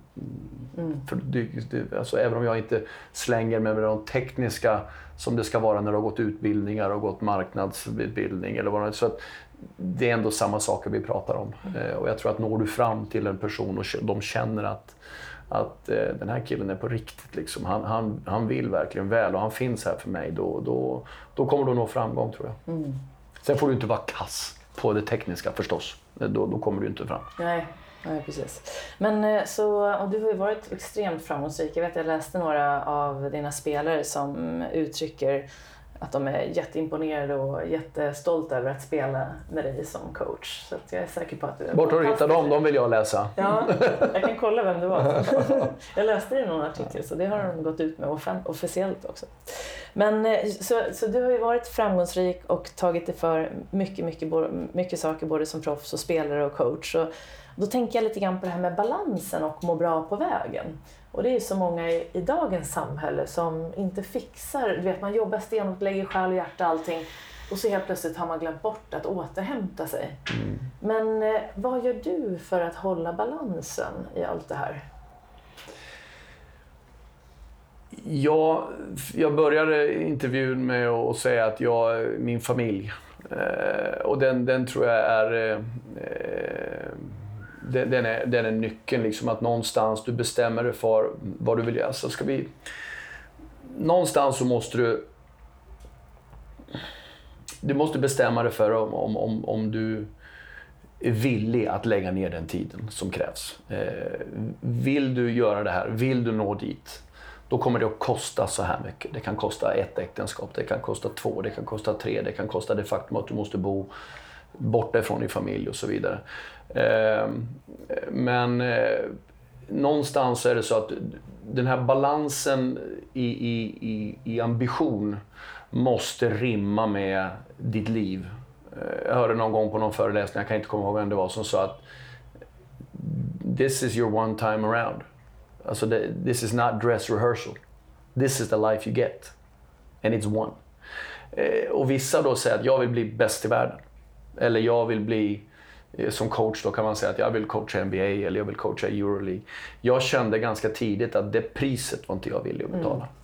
Eh, utan, utan för mig handlar det väldigt mycket om att jag vill bli riktigt bra. Jag vill bli så bra jag bara kan bli. Men det finns en, en, en, en liksom ett cap på hur mycket tid jag kommer lägga ner. Och, och, och när jag var 35-36 och vi vann SM-guldet, vilket, eh, 37 kanske jag var till och med, eh, då, då då kom det upp några erbjudanden. Eh, men det hade inneburit att lämna min familj eh, och min, min son som då var ung. Och det, kände, det var liksom inte ens ett alternativ. Jag har vänner och coacher som, som hade gjort det på en gång. Men för mig så var inte det ett alternativ. Och det innebär inte att jag inte är en vinnare och inte vill. utan inte på det sättet och inte vid den tidpunkten. Har jag tur så kommer jag få en chans att coacha internationellt och har jag tur så kanske jag kan få coacha landslaget och har jag tur så kanske jag kan få coacha på högsta nivån i Europa. Eh, men, men eh, det är ingenting som jag kommer att gräma mig för om jag inte får, för jag vet att jag har gett allt. När jag går in i en säsong så, så, så kan man ju då tolka det jag precis har sagt som att ja, men det där är ju ingen vinnare, han vill ju inte lägga ner all tid när jag tar på mig ett lag, då säger jag till, dem, till klubben att jag kommer att göra det som krävs för att vi ska nå någonstans. Och, och, om jag jobbar 65-70 timmar i veckan så, så kan jag garanterat jobba 90. Jag skulle kunna jobba 110 också. Men någonstans finns det ju en gräns för vad du orkar med och mm. den här balansen är viktig. Den, den tror jag du måste hela tiden vara ärlig mot dig själv och säga att It's not worth it. Inte för mig. Jag, jag, jag, jag är inte villig att lägga ner den. För många säger ju vad de, vart de vill. Ja. Men väldigt få eh, eh, har kapaciteten att tala om vad det kommer att kosta för att ja. ta sig dit. Så blir man besviken på vägen. Ja. Jag vill bli, jag vill bli eh, det är ungefär som att vinna Mello. Du kan inte Just vara det. den bästa tränaren, det går inte. Du kan vinna flest mästerskap, men du behöver inte vara bäst tränare för det. Men jag vill vara en av de bästa tränarna i Sverige. Mm. Och jag skulle jättegärna vilja testa mina vingar internationellt. Men jag har inte så att säga marknadsfört mig på det sättet eller försökt ta de riskerna eller lägga ner den tiden. Av just den anledningen att jag vill ha mitt liv med min familj också. Eh, och låta min fru ha en karriär. Och ge henne möjligheten också att jag inte är borta, hon ska ta hand om allt då som det ofta blir då. Så ska hon ju plötsligt ta hand om barn eller ska jag ta med mig honom? Vad ska han gå i skolan och sådana här saker. Så att, den här balansen, det är, tror jag är annorlunda för alla. Ja. Det är familjen, det kan vara barn, det kan vara syskon, det kan vara sjukdomar i familjen som man känner att man måste ha. Eller ha eh, Eh, föräldrar som kanske inte kan jobba, drar inte in tillräckligt mycket pengar så barnen måste själva hjälpa till. Alltså, you name it. Det kan ju vara hundratals olika parametrar som gör att du inte eh, kan göra det du kanske skulle vilja. Men någonstans, vad är du villig att betala? Där ligger balansen. Och kan du hantera den så tror jag du... Ja, det, är så vikt, det är så intressant för att jag läste en sån här kraftfull coachingfråga i en, det var någon bok jag läste för ett tag sedan där man skulle fråga sig själv så här, if I could do better, should I? jag tyckte den, var så bra för att just det där should I, för där kommer ju det här in. Man kan ju alltid göra bättre förmodligen. Ja, ja. Man kan alltid jobba hårdare och göra mer och sådär men frågan är vad det kommer kosta som du säger. Och den frågan är ju sällan man kanske ställer sig. Nej, ofta så blir du liksom kanske lite stämplad då som att ja, men det där är ingen vinnare. Nej, Eller han precis. vill inte Ja. tillräckligt mycket. Det finns ju de som står på toppen och säger att jag gav allt. Jag har gett hela mitt liv. Och, och vissa har säkert gjort det. Och, och, och många av dem kommer säkert berätta i sina memoarer att de ångrar kanske att de gjorde det och vissa kanske inte ångrar det. Men, men eh, det är väldigt få som, som så att säga, även de som lyckas, även de bästa, eh, tar den här eh, The Wonderboy eller vad han heter, ta Mourinho, ta eh, eh, jag vet, Sven-Göran Eriksson, ta, ta vem du vill som har verkligen lyckats. Så, så tror jag att de alla svarar ärligt att de kunde ha gjort mer. Alla kan göra mer. Exakt. Du kan alltid göra lite till. Och, och någonstans så vet jag inte om det jag vet inte, det är väl kanske Gunde Svan då som gjorde allt och kände liksom att ja, eh, det här behövde... Alltså jag vet inte, jag, är så, men jag tror det är viktigt att ha den här, vem är du? Precis. Alltså titta dig själv i spegeln och, och säg liksom, är du villig att betala priset för det här? Förstår du vad det är du säger när du säger att jag ska göra allt? Eh, för det, allting har sitt pris. Exakt, och det, jag vet att jag pratade med Jan Karlsson i den här podden. Han är ju ledare och var för detta ledare för SAS. Och han sa ju det sådär i backspegeln. Han myntade ju begreppet love management. Ehm, och han sa att det fanns vissa gånger när han kände att han hade kört för hårt så att det gick ut över hans hälsa. Så han insåg ganska tidigt liksom, att jag kommer köra hårt men det får inte gå ut över min hälsa. Att kunna prestera på topp och må bra på vägen. Det är sån viktig del att inte glömma bort sig själv för då kommer du inte kunna prestera på topp. Det finns, ju, det finns ett uttryck som, som jag hörde också på någon, någon sån här föreläsning eh, eller någon podd där de sa att eh, det är väldigt viktigt för alla, alla så att säga, som vill bli framgångsrika eller, eller ha så här betungande som kräver mycket tid. Att du måste vara självisk på ett bra sätt. Du, måste, du måste någonstans sätta dig själv i, i första rummet eh, och vara egoistisk. Men på ett icke-egoistiskt sätt. Eh, någonstans så är det så att jag kan komma hem någon, någon fredag, vi har rest, vi har spelat och Lytman fredag och en hel dag att jobba. Perfekt, vaknar tio, kollar nyheterna. Och så kommer det upp en film och sen så var det något avsnitt på du vet, någon, någon serie här och helt plötsligt är det klockan fem. Och så får jag dåligt samvete över att ja, men nu har jag kastat bort sju, åtta timmar där jag borde ha jobbat och så säger jag bara fuck it. alltså, jag, I earned this. Alltså jag, jag förtjänar det här. Det här var, det var, jag behövde det här för, mig, för mig. Och sen alltså, omfamna det och säga att det här är, jag var värd det här. Jag behövde det här. Ja, men exakt. Och ibland behöver man göra det sådär lite för mycket för att kunna känna så här: okej, nu har jag gjort det, nu kan jag köra igen. För om du aldrig tillåter dig att sätta dig ner och kolla på några extra Netflix-avsnitt på det där och aldrig tillåter dig att eh, slappna av och sitta och bara dega, då blir det ju jättesvårt och då blir det på något sätt på den här, det blir liksom ingen balans där heller. Nej, jag det måste ihåg- finnas balans. Jag pratade med Niklas Wikegård här vid något tillfälle. De hade, han hade ju någon, någon sån här ledarskaps... Eh, som de kallade för, för 100 oktan. Mm. Eh, känner du till det? Mm, jag känner igen Ja, och det var just det här för ledarna någonstans. Att, ja, men var ska de få tanka någonstans? Mm. Alltså de bara sprutar ut energi till sina spelare och kanske till sponsorer och i vissa fall även till klubben, de som jobbar och inte får ta del av det här som är på banan. Så, så bara... Och sen så när du har soppat torsk, alltså vad, vad gör du då? Eh, och jag tyckte det, namnet var så underfundigt, just det här med, med 100 oktan. Liksom, ja. Att någonstans, du måste tanka dig själv. Och det, det här är en av de, en utav de lärdomarna som, som, som jag eh, eh, säger till... Ofta när jag är på, är på företag och, och, och, pratar så är det många gånger som man, man, märker att den här insikten över vad som är viktigt, den, den, den, är, lite, den är skev någonstans. Man ser inte Nej. individen, man ser inte liksom helheten. Och då brukar jag ställa den här jag tror jag har sagt det fem gånger nu, men jag vill inte sno någons grejer. Men jag har också hört det här någon gång i en föreläsning. Eh, så så var det en, en liten test som man kan köra då. Så att jag kan inte köra den långa versionen så jag kör den inte på dig. Men, men den går helt enkelt ut på att du får välja tre, tre personer som du får på något sätt ge ett sånt här ett frikort. Ingenting kommer hända dem. De kommer lyckas, bli inte sjuka. Allting blir jättebra. Liksom. Det är bara tre personer. Har du fyra barn, du får inte välja alla fyra. Du måste bara välja tre. Vilka tre människor är de viktigaste för dig i hela ditt liv? Och alla gör ju då misstaget med att de, ja, de plockar ut sina barn eller sin respektive, sin mamma, pappa eller vad det nu är. Men nästan ingen har sig själv med på den listan.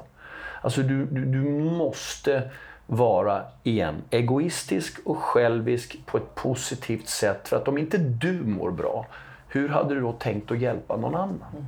Alltså nu pratar jag inte om att ett hus börjar brinna och du springer ut själv först. Det är klart att du går och hämtar dina barn. Men du förstår vad jag menar? Absolut. Den här helheten med att, att ge dig själv lite, lite tid och andas och se till att du mår bra själv.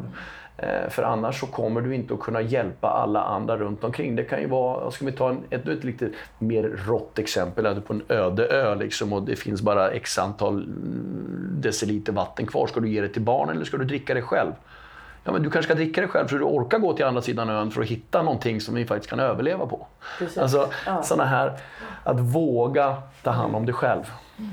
Och där, där är det som bra, det här exemplet när du sitter på ett flygplan mm. och så mm. säger flygvärdinnan så här, men när syrgasmasken mm, ja. trillar ner så måste du först ge till dig själv innan du ger till ditt barn. Ja, ja, visst. Den är ju så, och, och den där syrgasmasken, då får man ju själv komma fram till då, vad ska jag fylla min syrgasmask med för att kunna hålla för mina barn och sen då för sitt jobb och vad man nu behöver syre till. Ja, och det där är just när du är i affekt, när det går dåligt på jobbet, då tenderar vi till att jobba ännu mer. Mm. Eh, istället för att kanske ta ett kliv bort och ta lite syrgas.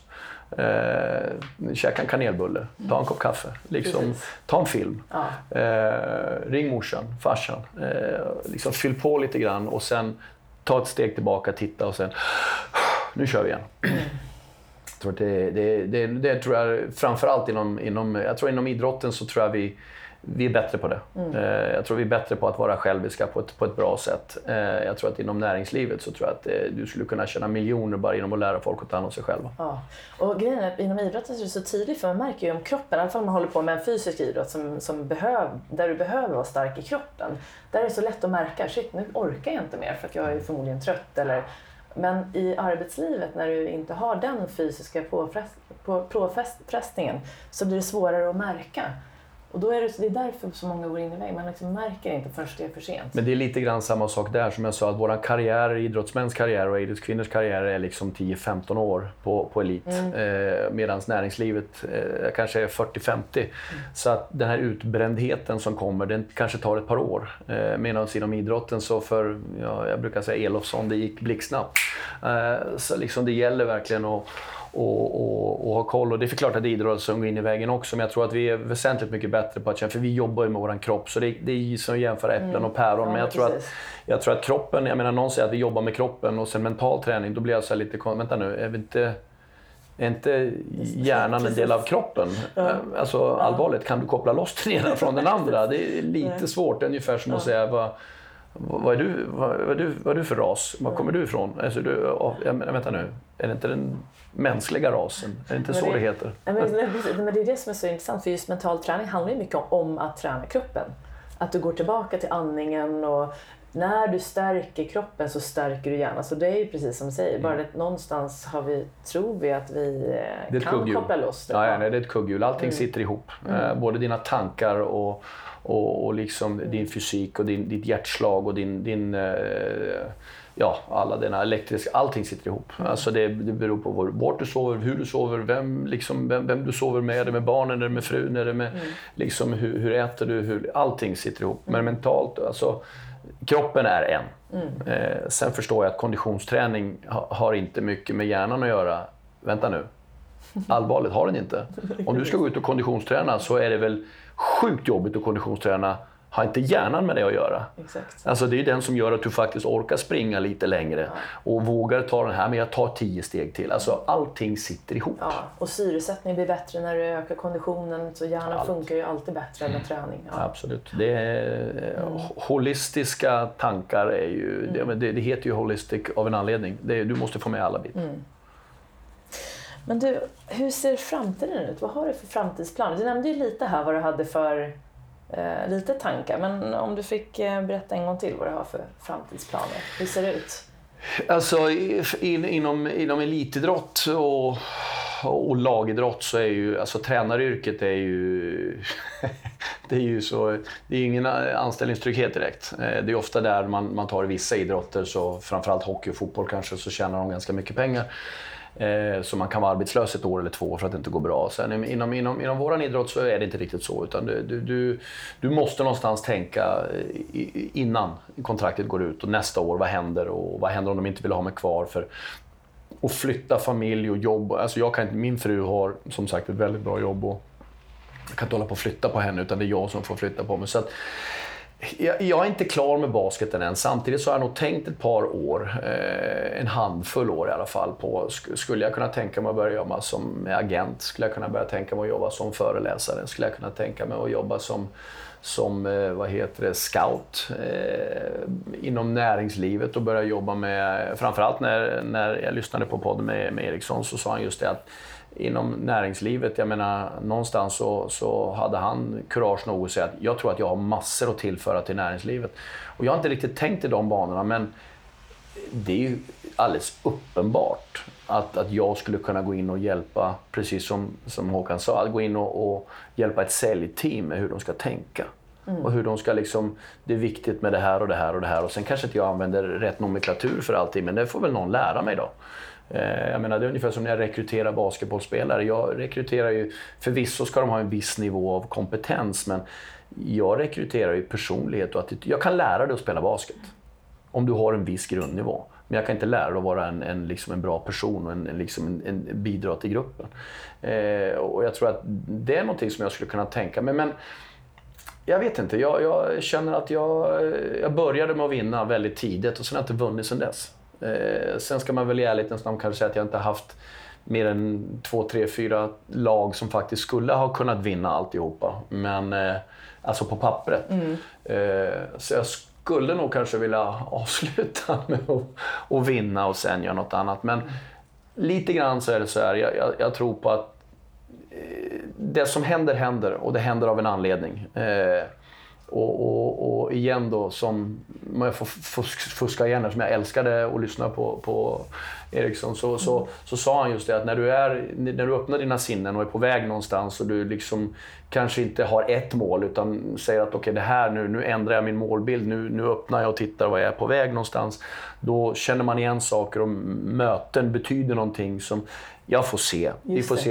Just nu så är jag på en fantastisk plats. Eh, jag har förvisso bara några månader kvar på kontraktet men ingenting liksom är, är, är liksom definitivt. Just nu så planerar vi att, att, eh, att jag flyttar hem till Stockholm för att Katarina, min fru, orkar inte hålla på och pendla. Och det har inte med henne att göra, hennes ork, utan det är att vi inte är tillsammans. Nej, utan jag kan inte och hon får dra ett väldigt tungt och tufft lass och liksom inte mm. så att säga vara hemma hela tiden. Så att nu, nu drar grabben iväg till college och sen så blir det hon och jag. Så får vi se vad som dyker upp.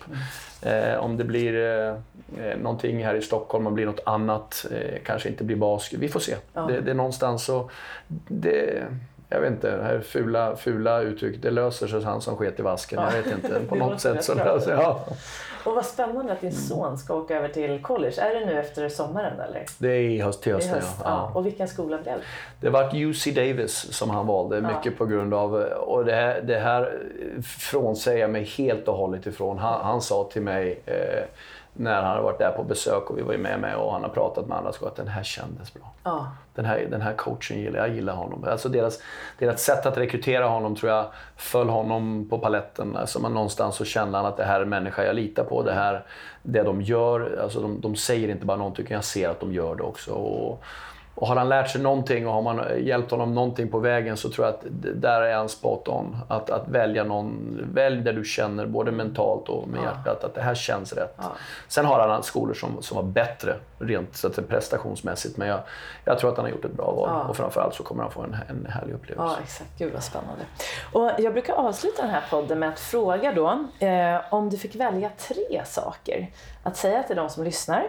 Eh, vad de kan tänka på eller något råd eller så om eh, hur man kan göra för att just kunna prestera på topp och även må bra på vägen så att man kan nå sina drömmar. Vad skulle du säga då? Nu tän- tänker du som idrottsman, idrottsledare eller människa? Människa skulle Ja, jag säga. Alla, både idrottsledare och idrottsmän, Ja, de, är, de är människor de också. Ja. Okej. Alla har ju olika drömmar. Vissa kan ju sitta och drömma om att jag vill typ byta jobb och någon vill bli en stor ledare, någon vill bli proffs. Någon vill bara hitta ett harmoniskt inre lugn. Oavsett vad det är man vill så har man ju olika önskemål. Vad kan man tänka på för att liksom komma dit? Jag tror... Först och främst så måste du nog... Eh, tre saker sa du. Ja, Eh, jag tror att det första måste börja med, med en fråga. Eh, och eh, det är, det är varför. Alltså, vill du vara här? Ställ alltid den frågan om du är i ditt äktenskap. Vill du vara gift med den här mannen? Vill du vara gift med den här kvinnan? Vill du gå till det här jobbet?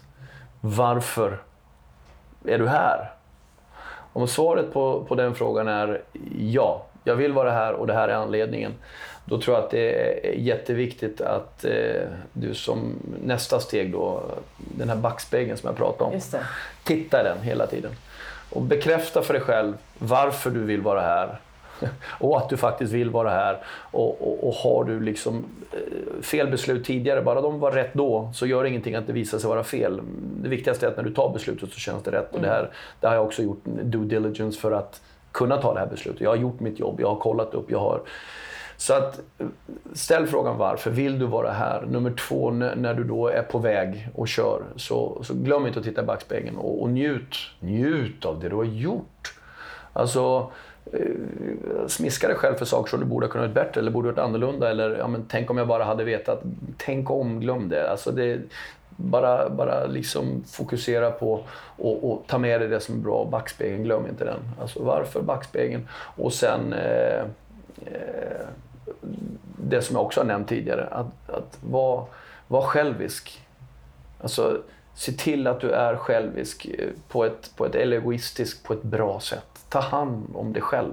Glöm inte att tanka 100 oktan, kanelbulle, eh, en, en kyss från, från din fru eller en kram från dina barn. Prata med Så de tre bitarna tror jag är absolut det viktigaste. Att, att verkligen, eh, att, är du här, om du har valt att vara här, det är du, som, det är du väljer ju, det är du som bestämmer, inte någon annan. Det är du som väljer om du vill vara här. Om svaret på den är ja, så se till att och, och, och njuta av det du har gjort. Och kolla vad, liksom, vad du har gjort fel, häng på vid det. Så varför backspegel och sen att ta hand om dig själv. Alltså glöm inte att tanka. Gud vilka bra råd. Fantastiskt. Ja, jag har fått dem på vägen från, från folk som eh, jag har varit på många föreläsningar, lyssnat på många saker och nu har jag ju slarvat med dina. Jag får ju 25-30 avsnitt som jag måste lyssna på för att man ska få någonting.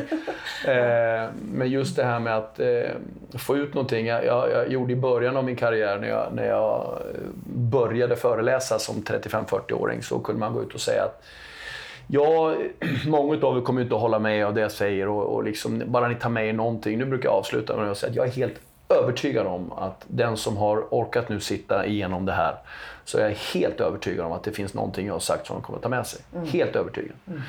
Sen är det vissa som tar med sig massor och vissa som tar med sig lite, men det faktiskt kan vara några som tar med sig allt av det jag sagt. De tycker jag är helt snett ute och det är helt fel. Ja, men det är väl jättebra då. Då har du ju liksom någonstans lärt dig hur man inte ska göra. Det. Så att det finns alltid någonting att ta med sig. Eh, och det som, som vi hade innan diskussionen så sa jag det här med, min fru har ju köpt någonting, eh, en liten sån här glasplakett där det stod eh, Eh, att eh, alla dagar är inte bra dagar, men det finns någonting bra i varje dag. Och, och, kan man, jag glömmer ju det. Alltså jag, jag läser ju den där och säger ja, det där har jag inte tänkt på på en vecka. Det där, det där måste jag faktiskt komma ihåg, för nu har jag haft skitdagar tre dagar i rad. Jag tycker allting är pest och pina. Men det finns någonting bra i varje dag. Eh, men som jag sa också, lägga till den här lilla meningen. Den här plaketten, där står det bara alla dagar är inte bra, men det finns någonting bra i varje dag och jag vill lägga till om du letar efter det. Ah. Alltså du måste leta efter bra saker. Jag menar, slå inte upp dagstidningen om du vill hitta någonting bra. Där kommer du bara hitta skit. Utan vill du bli framgångsrik så häng med de människorna som, som, som ger dig energi, som tankar. Och, och vill du känna att du blir lite kritisk, ja, men då ska du kanske gå till några människor som du vet kommer att ha negativa saker att säga.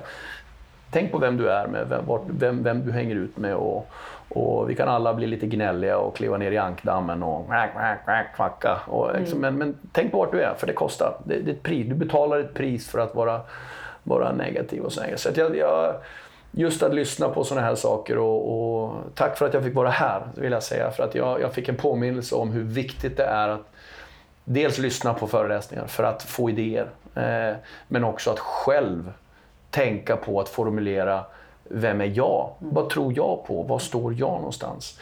Eh, och om man inte gör såna här grejer någon gång, när någon frågar mig nu för tiden, vill du hjälpa mig? Kan du komma och höra för Så gärna, för att det, det hjälper mig. Att jag själv får tänka på vad det är jag säger. Tror jag på det jag säger? Kan jag ställa mig bakom det här? Men det är så bra att du säger just det här att reflektera och sen är man ju aldrig klar. Ibland när man liksom man utvecklas ju hela, hela tiden. Så att, att få frågan och ställa sig frågan själv men att också få frågan, det gör ju att man får tänka till. Och det, idag, det vi tänker idag är ju annorlunda mot det vi tänkte bara för ett år sedan. Så att det, det, den där på, att ha en påminnelse i form av en plakett hemma ja, ja. på det man själv tycker är viktigt. Det är ju så bra för att det är så lätt att glömma bort och vi är alla människor. Man har dåliga dagar, ingenting kommer gratis. Och påminnelsen är ju, det var också ett jättebra och idrottsmän, idrottsmän och kvinnor är vi av ett speciellt släkte. Vi är ju väldigt, eh, ofta väldigt kaxiga, arroganta och man vill ju inte erkänna någonstans att liksom, men det här kan ju inte jag. Nej, men det här vet ju inte jag hur man gör. Trots att vi alla vet att vi kan inte allting. Alltså, någonstans så, så gäller det att vi ska ha en tuff och kaxig utåt, vi klarar allt och jag ska vinna. Och, och, och, någonstans så måste du själv känna att ja, jag måste också, jag måste faktiskt hänga med, jag måste läsa lite, jag måste hänga lite. Mm. Jag måste, alltså, mm. det, det, är en, det en sån balansgång. Man ska vara världens tuffaste och bästa och orka köra 50 kilometer och vinna. Och åka, alltså, det, det är mycket. Mm. Det är mycket. Du Torbjörn, stort tack för att du kom hit. Vilket fantastiskt, vilket fantastiskt samtal det var att få sitta här och prata med dig. Ja, jag tycker det var i, i, ro, ro, roliga vinklar och frågeställningar. Och jag lyssnade. Tack för att jag fick liksom komma och framförallt att du öppnat ögonen för att lyssna på någon som har varit här tidigare för att ja. själv lära mig någonting mer. Ja, och tack för att du delade med dig av dina kunskaper och din inspiration till alla som lyssnar. Jättekul. Tack snälla och varmt lycka till i fortsättningen. Jag ska följa dig. Kan man lä- vad är det för hemsida nu? Det glömde jag. Jämtland...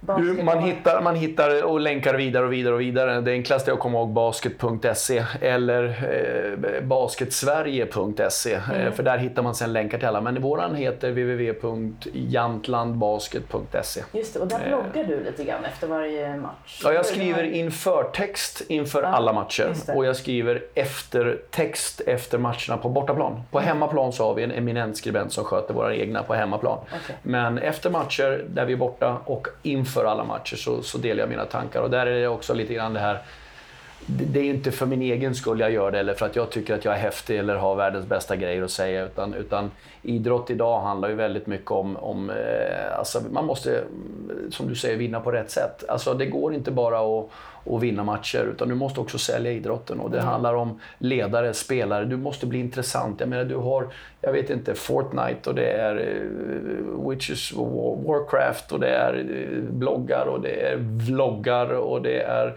bio och det är Youtube. Alltså, vi måste som, som, som, som, som, rörelse, idrotten, man måste vara intressant. Och då, då, tror jag just att de här texterna jag skriver är lite grann åt det hållet för att försöka ja. skapa lite intresse. Ibland är de bra, ibland är de dåliga. Ja, men det är jättekul. Och det ska vi följa. Och varmt lycka till som sagt med Tack. Allt.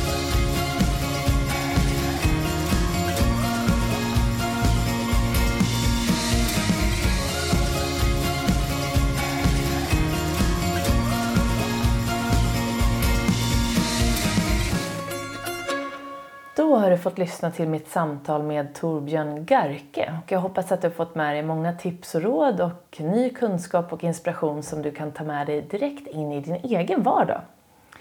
Och som jag lovade precis i början av det här avsnittet så kommer här nu tre råd till dig som jobbar som tränare. Eh, och eh, jag och Torbjörn pratade vidare lite grann efter att jag hade stängt av inspelning och det var, det var då just de här råden kom fram och det var därför jag gärna vill dela med mig av de här till dig och eh, ifrån mig då istället för från Torbjörn. Men de kommer då från honom. Så nummer ett, det är att alltid vara sig själv. Att våga lita på att det är alltid bäst när du jobbar utefter att vara dig själv. Då blir du den bästa ledaren för andra. Och nummer två, kräv aldrig mer av en spelare än vad den kan klara av. Så det här kräver ju en fin kommunikation mellan dig som tränare och dina spelare för att hitta den här nivån. Och nummer tre då, att vara självkritisk. Att våga vara självkritisk och kunna ta emot både positiv och negativ feedback för sin egen utvecklings skull. Så de tre råden vill jag gärna dela med mig av. Och vill du då veta mer och följa Jämtland Basket och eh, Torbjörn vidare här så kan du göra det då på jämtlandbasket.se och hela basketligan på, eller basketserien på basket.se.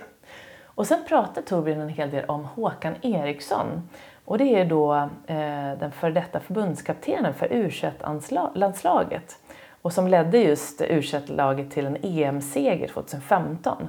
Och Håkan var med i den här idrott, eh, i den här podden i avsnitt nummer 11 i säsong 2. Så där kan du lyssna på det om du blir nyfiken.